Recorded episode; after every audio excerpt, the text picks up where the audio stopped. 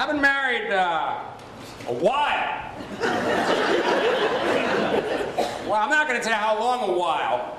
I will simply say, here's how long I've been married. The other day, my wife and I were in the uh, we were in the supermarket, produce department. I held up a mango. I said, "Honey, do I like these?"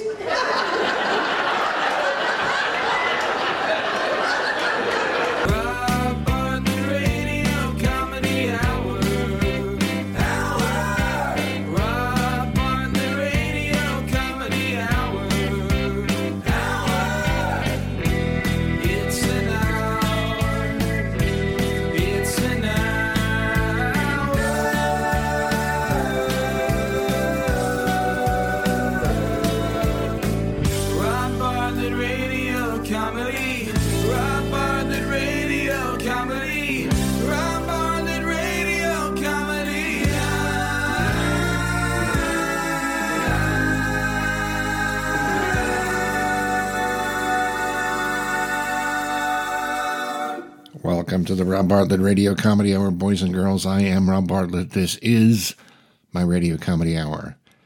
Uh, this week, this week uh, is part four of my continuing series about the origins of Long Island comedy.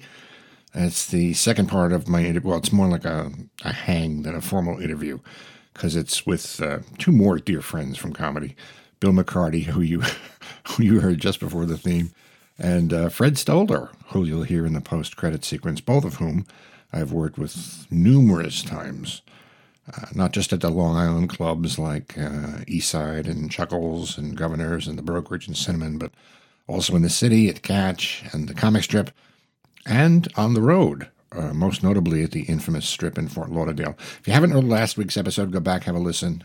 It's almost an hour, but it's well worth your time. It's some great stories about the life of a stand up, hell gigs, one nighters, and taking a bath in the slop sink in the East Side Comedy Club kitchen. And if you haven't heard the first two parts of this series, uh, my conversation with Richie Minervini and Jackie Martling, both of whom I started with at Dixon's White House Inn, and we're fellow members of the Magnificent Seven. That's also worth your while. Some great backstage stories are told on those two episodes as well.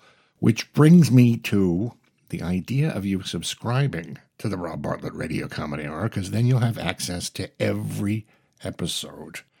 And there's 127 of them since January of 2019, which is when we first started live on stage in front of a studio audience with an incredibly talented group of actors and musical guests and some of my show business friends stopping by. And if you subscribe, take a quick trip over to Apple Podcasts and leave us a good review because it helps promote this podcast and makes it easier for new followers to find us. I'm not going to do my intros of Bill and Fred. That way you'll have to listen to the previous episode. See? See what I did there?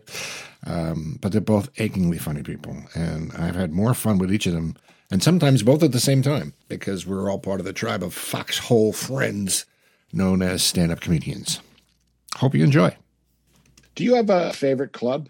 I loved, I loved, loved, loved the original Comedy Works in Philly. Original Comedy Works, the long, deep room, a little balcony. It was Was it- like a little theater. It was above the Middle East restaurant. Yes. Yeah. Yes, it was. Yeah, that I was a great loved room. that. That was a great room. That was a tremendous room. I It it love was- it. Just when that room laughed, you just felt it in your bones. Yeah. You know? I always liked that room, and I always liked the punchline in Atlanta. I always found Yeah. the Southern crowds to be among the best crowds I'd ever performed in front of. And I'm not exactly sure why, but I used to like to do the the punchline tours. You know, you do you do it the one in Atlanta, you do the one in uh, Atlanta. Atlanta, Savannah, Augusta, and Charleston. is it? right and, cool. and Columbus, and then there was one um, in Columbia, South Carolina. I mean, there was there were at least eight or ten of them one time. You know, sometimes you would do good nights in in in Raleigh after Raleigh good nights in Raleigh, sure. or Sure. and you should do that after you did April's gig in Richmond, and then Mhm. Raleigh, and then you could go down and do slip. That's right. yeah at the Chaco Slip. And I think it was because I used to play up the difference between New Yorkers and Southerners. I did too. Yeah, I did too. I would tell them how much I loved being in the South. Mhm. Say the best part of the South is is sweet tea. You know, I asked for sweet tea in New York, and the waiter looks at you and goes, "So put some fucking sugar in it." and that used to kill. And once I had that, they were on my side, and then you could do your set, and they would do really well. you and I did Richmond together once, I think. Yeah, probably. Or you and I worked a lot on the road together. we you, worked a lot together. Fred, Yeah. you and I worked. You and I worked. I worked. I think the most on the road with each one of you guys. I think you are the two guys I worked the most with out, out on the road. And part of that was because they would offer you two or three weekends or whatever, and you'd always find out who the other acts were on the show before you would commit because we're like, this is a guy that I can spend time with, or this is a guy that I would avoid on the street if I saw him. Whenever I knew that either you or Fred were on the show, it's oh, absolutely. I remember doing Baltimore with Fred, That's that right. uh, that club that used to be in the Charm uh, City. uh, Charm City, and then there was at the club. The glass room. Yes, yes, yes. Worst acoustics in the world. And Oh, absolutely. the absolutely. worst. Jeff Martyr's Worst. mother booked that. Jeff room, Martyrs, Barbara Martyr. She was Barbara. a sweetheart. Harbor Place. I don't Harbor remember. Place. This was kind of like when Baltimore was really at a at a low point, and, and the harbor was really viewed as being an engine to drag it back up the hill. Right. But yeah, I, I always liked working with you too because I knew there wasn't going to be a thing where I'd wind up at some place at three in the morning, you know, waiting for the score coke or some insane. I remember one time I worked somewhere with John Mulrooney and he had the car. And then after the show, it became a disco and he's dancing and with the audience. I want to go home. But that's the problem, yes, is that you are at the mercy of who was driving. And I remember I would do these Jersey gigs, these bars or whatever, and I would bomb because again, low key, it's a bar, not great acoustics, a cappuccino machine. And then the headliner, like Mulrooney, would blow the roof off. And I couldn't stand to hear the adulation after I bombed. So I'd be walking in the cold, like in Jersey, just nothing on the highway. I didn't want to hear him killing for an hour. You know what I mean? I wanted to just go home. Mhm. So I'd be walking around and waiting for their set to end. That wasn't fun.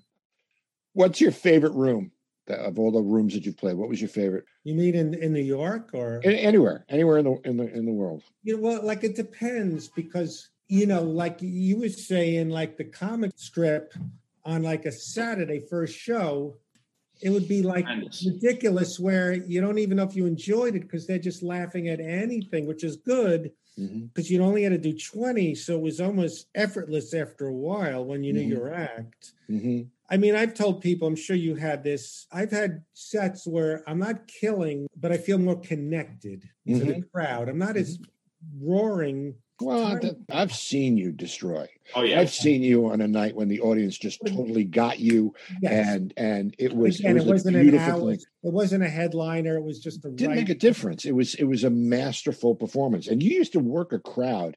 You'd be spontaneous. You wouldn't just be do your act by rote all the time. You would you would kind of go with the flow, but you would Let come up with things in the something. character. Mhm. In our time, like guys like Todd Barry, they'll do a thing called crowd work, or Judah Friedlander Mhm, takes pride in his crowd work. mhm. I think when we were our generation, it was more hacky, like Mulrooney working the crowd. Hey, Mhm. where you from? I mean, I Mhm. made fun of that. You know what I mean? But but now it's in the next generation after us. It's been a badge of honor. I can do good crowd work. But Mhm.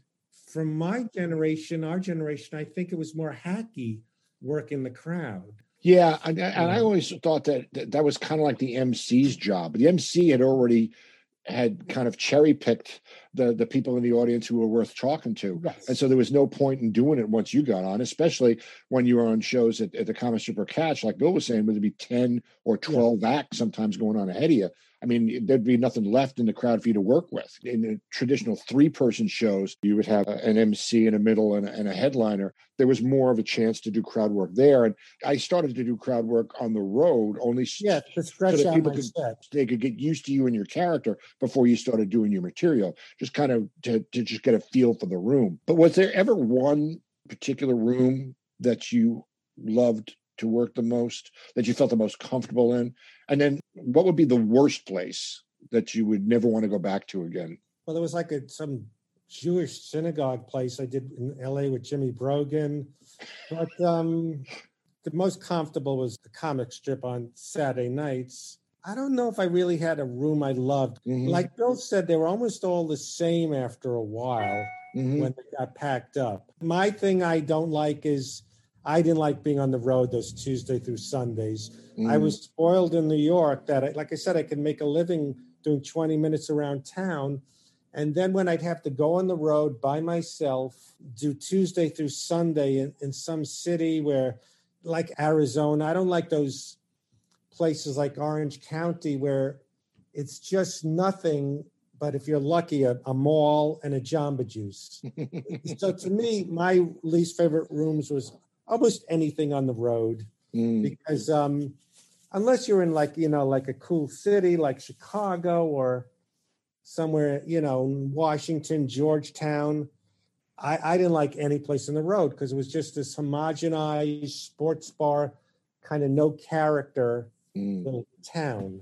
Do you have Yeah. a, a favorite story from the road? I mean, I just have hellacious stories. I was in San Antonio, and this was again my first move to LA. To be able to afford to stay in LA, you had to leave LA because they, they didn't have that circuit here Mhm. where you could stay in town and make a living. Mhm. And like I said, I, I, I wasn't good as a headliner. So I went to San Antonio. It was the first place I ran into anti Semitism where they scream, Hey, Jew, where'd you get your nose job? And Oh God. and then I had a, I never was good at waking up early doing those radio shows and plugging. And it was Mhm. a country western station. And I was never good at the morning. No one ever came to a thing because six in the seven in the morning, I'm driving to work. Hey, Fred Stoller cracking us up. No one ever came to a show because I did a morning radio show. And, and those DJs know, used to be the worst too. They would just be the Oh, absolute worst. I- oh, okay, make me laugh. You know. yes. I never, I never could get laughs or those radio shows were the biggest waste of time. So I was in San Antonio and it was a country western. I got to know much about country western. I know the gambler broke even. That's not bad. He broke even. What's the big deal? Is there like, so then they kicked me out. They complained to the club that I laid an egg. And so then I was, um, I remember bombing so many times on the road where I did my big ending 10 minutes into it because I'm bombing and I didn't have an ending. I'm just throwing it out. I'm desperate and that bombs. You must remember this. Like if someone heckles you and the crowd's with you, you could say anything and they applaud. But the worst is when they're talking, ignoring you in the front and it's distracting you, but no one else is hearing it. Mhm. And you seem like a psycho going, shut up, shut up. You know what I mean? you know so these two women were like talking during my thing i said to the guy can you tell them if they don't shut up they're kicked out because usually a good club kicks Right. people out or warns them Right. so he interpreted that as kick them out so and one of them was on crutches so it looked like i like a bully kicked out a crippled lady and they're booing me as this woman with crutches is going through the crowd. They're booing that i i just just for, as a woman go kick these two people out which i didn't say. So and they're booing and they're talking. I go i can't do my act if you're talking. So then they shut up with their arms folded. I tried going back to my act which they hated me. Yeah, there was no, no point. No New Yorker kicking two of their Southerners out. So then I said, no one's getting anything out of this. I walked off the stage. There was no way I would win them back.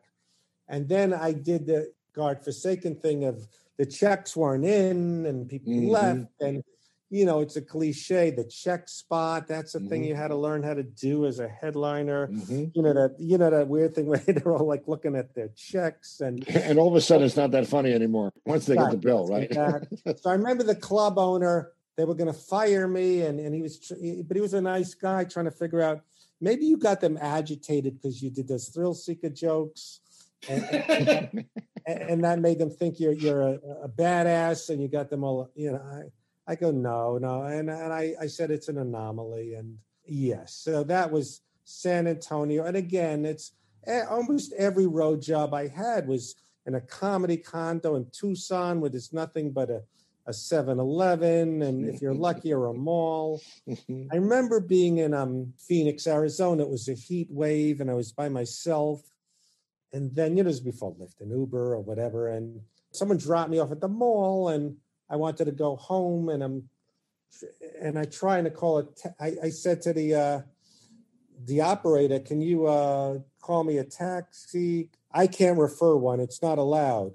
You know, this is before iPhones, obviously. Go, all right, how about, you know, you know, Avon taxi cab. Okay, the number I just made one up and there was one mm-hmm. for that. But the worst thing was you get to the airport and the cook is supposed to pick you up and he's not The cook. there. And I was dialing, you know, again before iPhones, 97 funny, spelling out the word funny over and over the club and hating myself. F U N N Y. And I kept calling. Those were hellacious memories.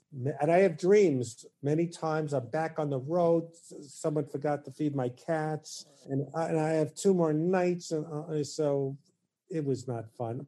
At least in Fort Lauderdale, we were all friends. But when you're on the road, some local guy doing local TV commercial parodies or, or some annoying guy. So when we did Fort Lauderdale, that wasn't the road. That was for friends. And Yeah. this is just this is great. Very early Palazzo's gig. It's a nooner in a college, like Seton Hall or something. So already it's great. It's Wolfberg, me, Bill Maher. oh man. Hmm. So we go out to this thing. I think Maher went up first. We're all supposed to do like half an hour. We get there. We're in the middle of the student union hangout thing. There, there's no announcement that this is gonna. This is a complete surprise. Nobody's expecting this. Nobody cares about this. There's no stage. There's a couple of milk cartons with you know some two by fours on Mhm, a mhm. stage in the middle of the thing. A crappy sound system. Maher gets up and proceeds to just tank. People are walking by. What is what is happening? No one's paying attention. He does like five minutes. He bails. I go up. I tank. It's they're they're they're walking through. They're thinking maybe this is the time I'm finally going to go to that calculus course I've been avoiding semester. This is not happening. Wolfberg goes up. Now, Wolfberg at this point is still clutching a guitar. Oh, he's, oh right, the guitar. he's a guitar. act at the very beginning. He's you know American Pie and the yogurt and everything. Right. And so he's clutching the guitar and he's telling his jokes about his experiences as a high school teacher. And little Tommy Tucker, we called him Tommy the Fucker. And, you know, nothing, nothing, not even Wolfberg. And, and at this point, Dennis was already used to doing well. He'd gotten spoiled in the city. He would he would demolish at the clubs in the city. And they're they're just walking by, and Dennis begins to laugh at the incongruity of this, of him doing this stuff that usually kills and it mm-hmm. doesn't kill. And he laughs. I've I've only seen this happen one other time, also to Dennis. He laughs so hard he begins to cry. Here's a man in the middle of a student union clutching a guitar, weeping as people are walking through. Maher and I are in the corner. We're paralyzed at this point. I'm giving him the stretch sign, and Wolfberg is just tears are rolling down his face. He's laughing. He's he looks like he's having a complete psychotic breakdown in the middle of a student union. It was absolutely one of the funniest things I've ever seen in my life. As a story, it's okay, but being in the middle of it was just deliriously funny. I and, mean, and- and knowing Dennis, I can see him doing that. You could get him going. You could get him laughing so hard, he Yeah. would automatically start to cry. I mean, he would was he would just weep. Yeah, eh, that that saying you laugh till you cry. He did that. one of the sweetest, kindest, and funniest people I think I've ever known. I mean, yeah, yeah, that was that was really unfair. What happened? to I know. I I I, t- I took that one hard. I took his passing hard. I took Woods' passing hard. It's funny when you look back at the list of guys that we started with and how many have passed on. It's Yeah. it's it's kind of weird. Bill Masters told me that when he was in Florida with Woods, and he said Woods would just he would stand out by the pool and just kind of face the sun all day. Oh, he was a big- rotate yeah. the sun would go across. Wouldn't He's- sit. He'd No. stand there. Yeah, he loved to get a tan on. I remember at his funeral, Jackie and, and Richie and, and Bob Nelson and myself, I think Ferentino, we were the pallbearers. It's funny the stuff that you remember. I remember trying to get Woods, who was not a small man, in a coffin down these steep steps. It was like almost his way of like having the last laugh on us. Now, both of you guys have done stuff after being a stand-up. You graduated into other pursuits. Bill, you going into the voiceover world and then being on television sets and, and doing and Fred, you as well, doing the guest spots on all these sitcoms, these memorable guest spots. And do you prefer stand-up or do you prefer the other stuff, the the voiceover stuff or the acting? You know, I'm an anomaly. Uh, well, that many comics love stand-up the most. I never loved, I used to love getting light. I'm glad I did stand up. I met great people like you. And I always thought there was something wrong with me. Am I lazy? Am I a sore loser? I don't have the Jones. I love talking like this, telling a story on a podcast. I, I love writing my book but I don't love going to Hermosa, sitting backstage in a green room. I like making people laugh and I like that I did it, but I never had the need to do it over and over and over. Mm-hmm. I mean, a few years ago was the last time I did stand up. For a year, every month I'd open for Norm Macdonald, which that's another story I won't go into now, but it did not become fun. And even stand up, even at the biggest level, feels Mickey Mouse ish, not stand up. Where, mm-hmm. I mean, like showbiz, where you walk under the underbelly of the casino, you see the dead eye casino guys eating their jello and on their break. It's just something that stand up, even doing a voiceover, you feel a showbiz or something. I mean, I love to express myself, which I didn't feel I'm really expressing myself in stand up. It's joke, joke, joke. And you, if you stray a little bit, you lose them. So I prefer a lot to stand up comedy, just the whole thing of it. Could you imagine trying to date someone now who's a waitress at a comedy club at our age? there's a sadness about that life. Yeah, no, you're right. You're it right. just feels, yeah. So that's my long winded thing of I prefer almost anything to stand up but you, Rob, you've been on Broadway, so that must be a whole different rush of. I got into stand up as a shortcut to acting. I always wanted to be an actor. When I started, it was when Steve Martin and Robin Williams and all these stand ups were making movies and getting TV shows. And that was to me my ultimate goal. And so that's why I got into stand up. So for me, doing guest shots on TV series and doing plays and musicals on, on Broadway, I almost find stand up much more work. When I opened for Norm, for being an opener is as big as it gets. Rooms are there to laugh. It still felt like, you know, waiting for the waitress. Can you bring me my ice cream? You know, it mm-hmm. feels Mickey Mouse. I saw you a couple of times. I saw you in uh, Little Shop and. Oh, uh, and I saw you do Mr. Cellophane. Oh, in Chicago. Chicago. I think Gary hooked me up for that. In fact, mm-hmm. you really were born for that. You were wonderful. Plus, I think what was suited for you was that Imus gig where you did all those characters. I got lucky with the Imus thing and, and, and was able for 31 years to make a real living just doing that and with the freedom to to take a road gig if I wanted, to take off to do a, a, TV show or do a run in a Broadway show while still having the, the day gig.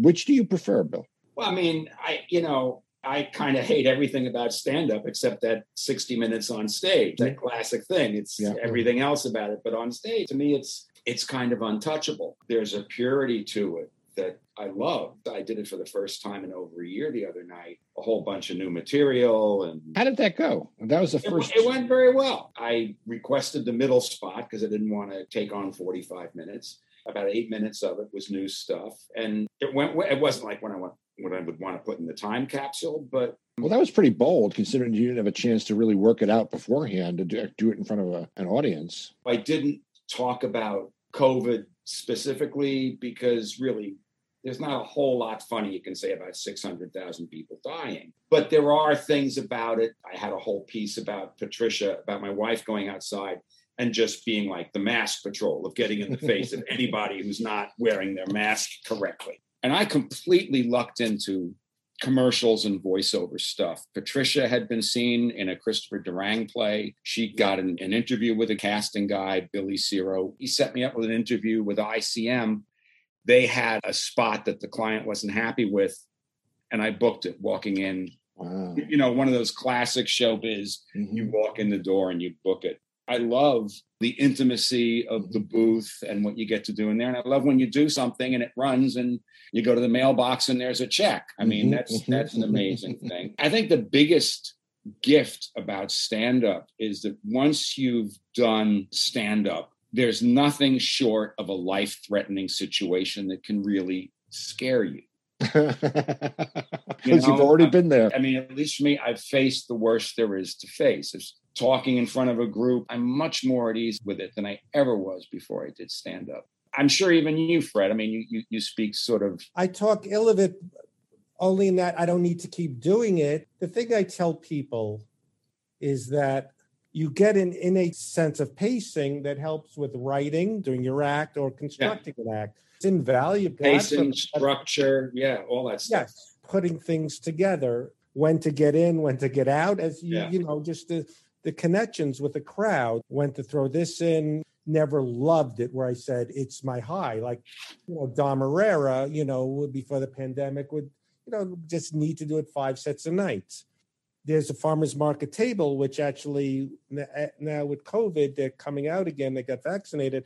I saw allan havey this morning. I like telling a story and having laughs with a few people. I don't need the roar of the crowd. You know, with voiceovers, even, you know, when you have a voiceover audition, you know from stand up what to accentuate, how to punch it up. So it, it is a skill that, and when people ask advice about stand up, about taking a class, I always say you can't learn stand up in a class.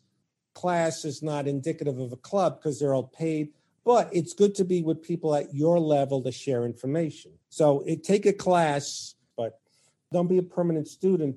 You need to get out of a vacuum. So right, uh, right. I never went into comedy because it was cool. It became a cool thing. I never Mhm. wanted to be cool. My act was self deprecating, but now it's two things it's either the cool kind of nerds or the kind of testosterone Joe Rogan kind of comics, you know, the kind of bro Mm-hmm, guys. Mm-hmm, so mm-hmm. it's hard when you don't fit in. I don't like either world of those kind of like, oh, you can't say anything today, the Joe Rogan guys, Yeah. or the, kind of like, I'm what's called a nebbish. Now nerds are cool. So I think we were in an era where that hadn't established yet. They didn't have the, no one was cool and brooding, Mhm. wasn't MTV ish. Yeah, I think comedy at the time was kind of like rock and roll for for people that couldn't play anything, couldn't sing, you couldn't play guitar. Maybe you were funny, or maybe you were Jackie and you could do both.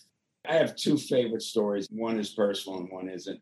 Sitting at a bar once with Lenny Schultz and the Catch a Rising Star, and Lenny was like the ultimate prop comic. He Mhm. juggled water. I mean, when Lenny Mhm. performed, they'd pass Mhm. out raincoats to the front two rows because they get food on them. And so Lenny one night he says, "Correct. Do you uh, do you write your jokes?"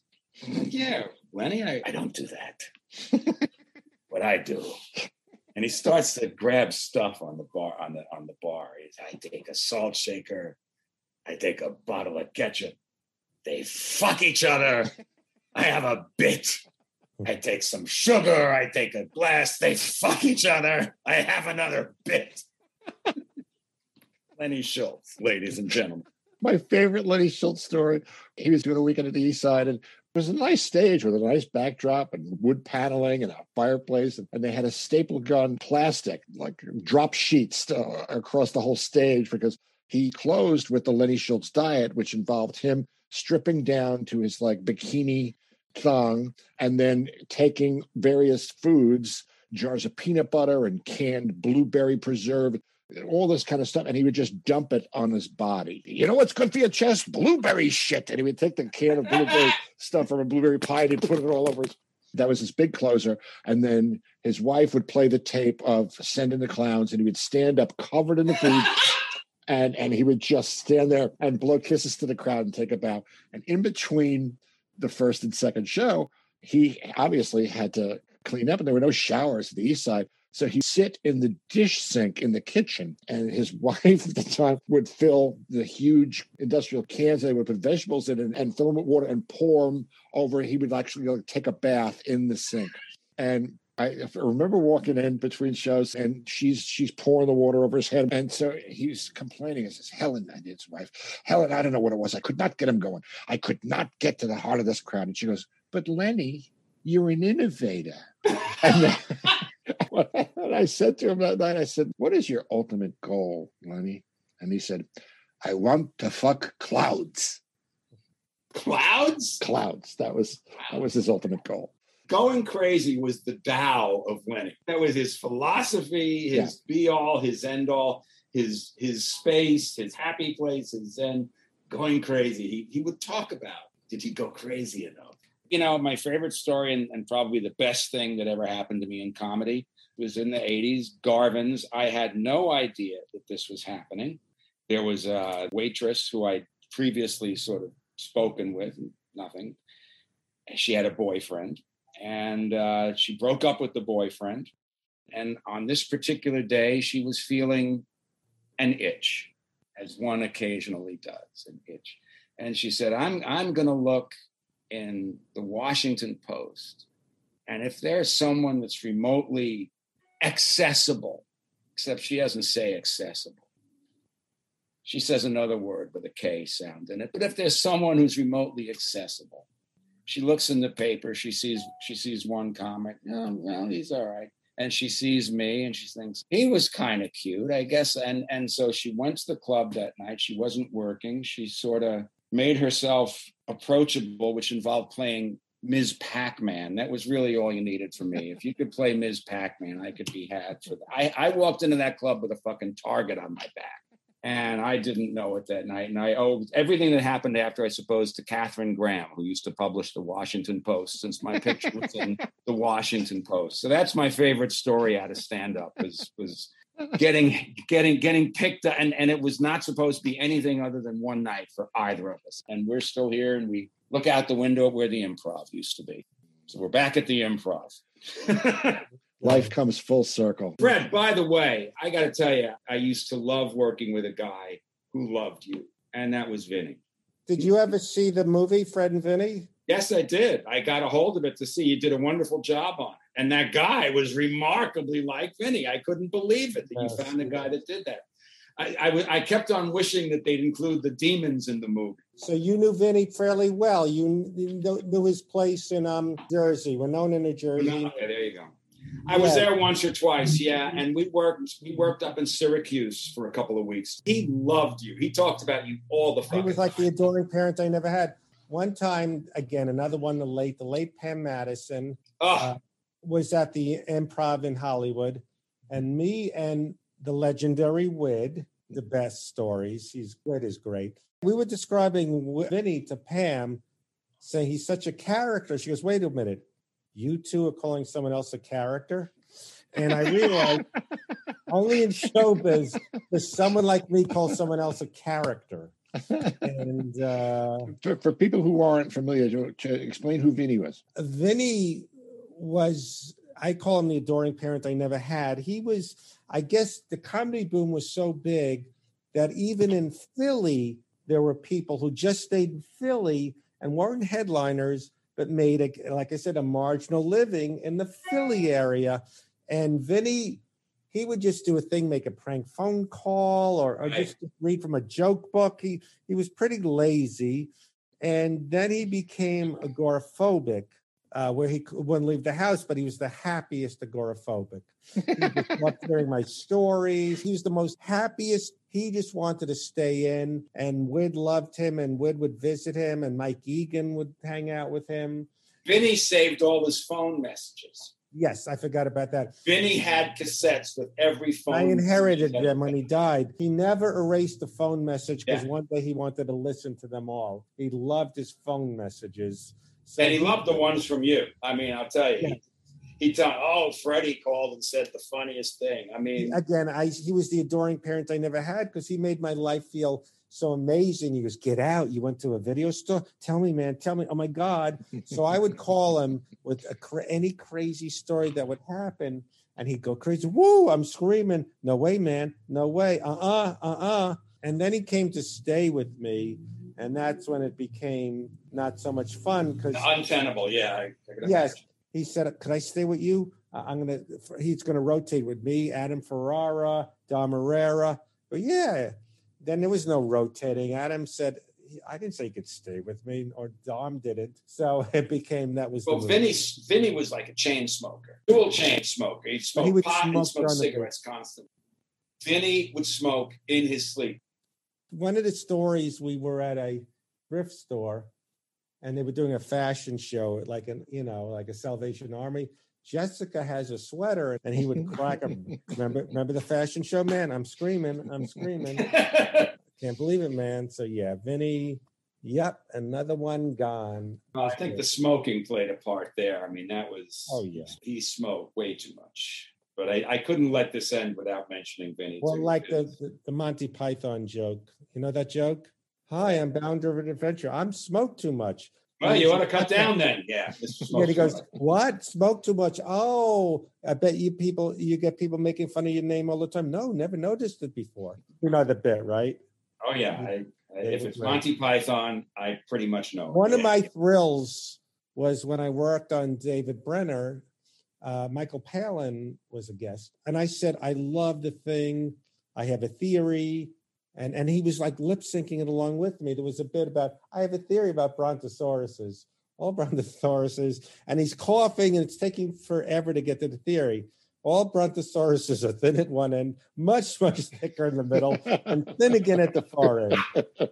You remember that bit? Yes. That's his theory about Brontosaurus. Oh, I always forget when people say, "Who is some of your comedy?" I don't know if they're an influence. They influenced me, but I, you know, I grew up listening to their records. When I was working on the Radford lot, that's uh, you know the TV shows, and Jon Stewart was sitting outside, you know, on the floor. Hey, John, and I only knew him a little bit, and he he was doing a spot on Larry Sanders, and he started applauding because um, uh, John Cleese was walking by. He was doing a guest spot on Third Rock. So I remember, you know, he wasn't Jon Stewart, who you know, but he just was applauding that John Cleese walked by. So that was a thrill to me. To do a little bit with someone from Monty Python.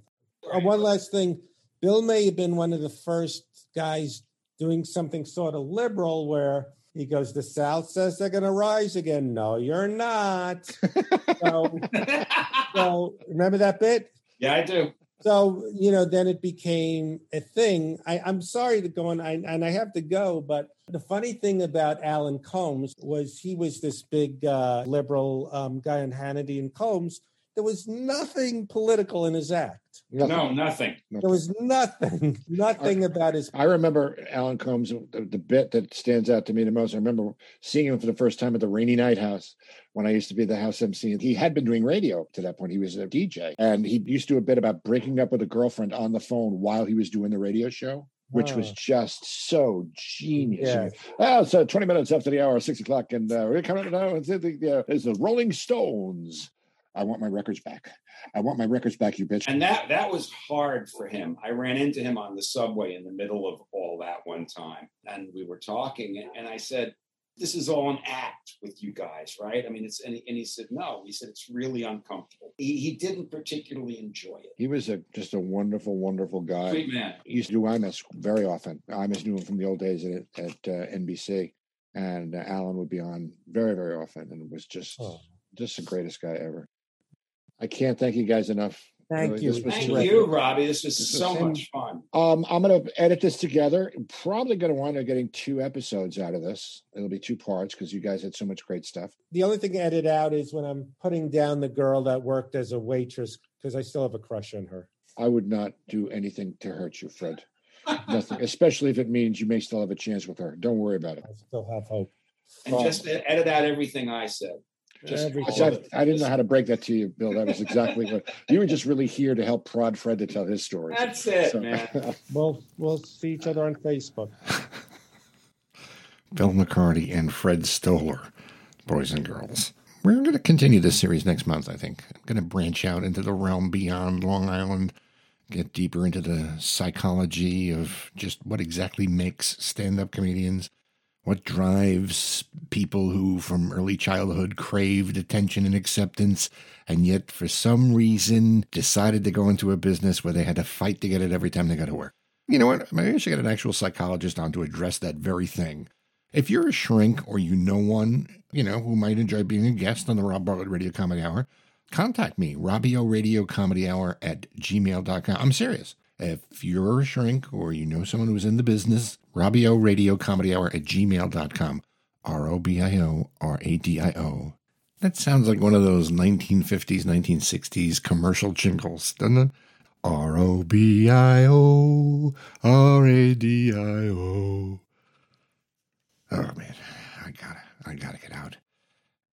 Anyway, um, follow us on the Rob Bartlett Radio Comedy Hour Facebook page, also at the Robio on Twitter, Robio Radio Comedy, and Robio 007 on Instagram, and the Rob Bartlett Radio Comedy Hour YouTube channel.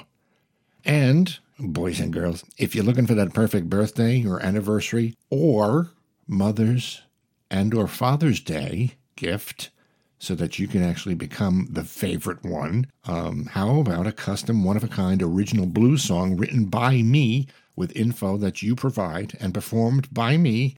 I mean, blind Mississippi white boy Pig Dupree, the blues man from the Imus in the Morning program, who I may or may not know intimately. I'm on Cameo, cameo.com. Book me for that very special gift that guarantee you get huge brownie points. Comedy Hour. Our program produced by Gary Grant and me, Rob Bartlett, written by me, Rob Bartlett, along with uh, Great Andrew Smith every once in a while. Actorized by me, Rob Bartlett, edited by me, Rob Bartlett, the Rob Bartlett Radio Comedy Hour theme music and lyrics by Gary Grant, performed by Steve Mecca. All stunts done by me, Rob Bartlett. Mr. Bartlett's wardrobe provided by Botany 500. No animals were harmed in the production of this podcast. We'll see you again next time on the Rob Bartlett Radio Comedy Hour, boys and girls. And until then, be good to each other, won't you?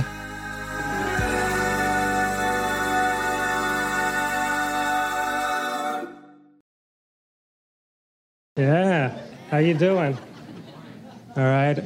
I'm working the crowd. Where you from?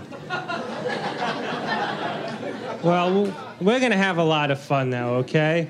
Yeah, I'm psyched. I'm ready to go nuts. I, uh, I just moved here from New York, so uh, move back. Don't mess with me. All right? I like you. That's why I won, okay?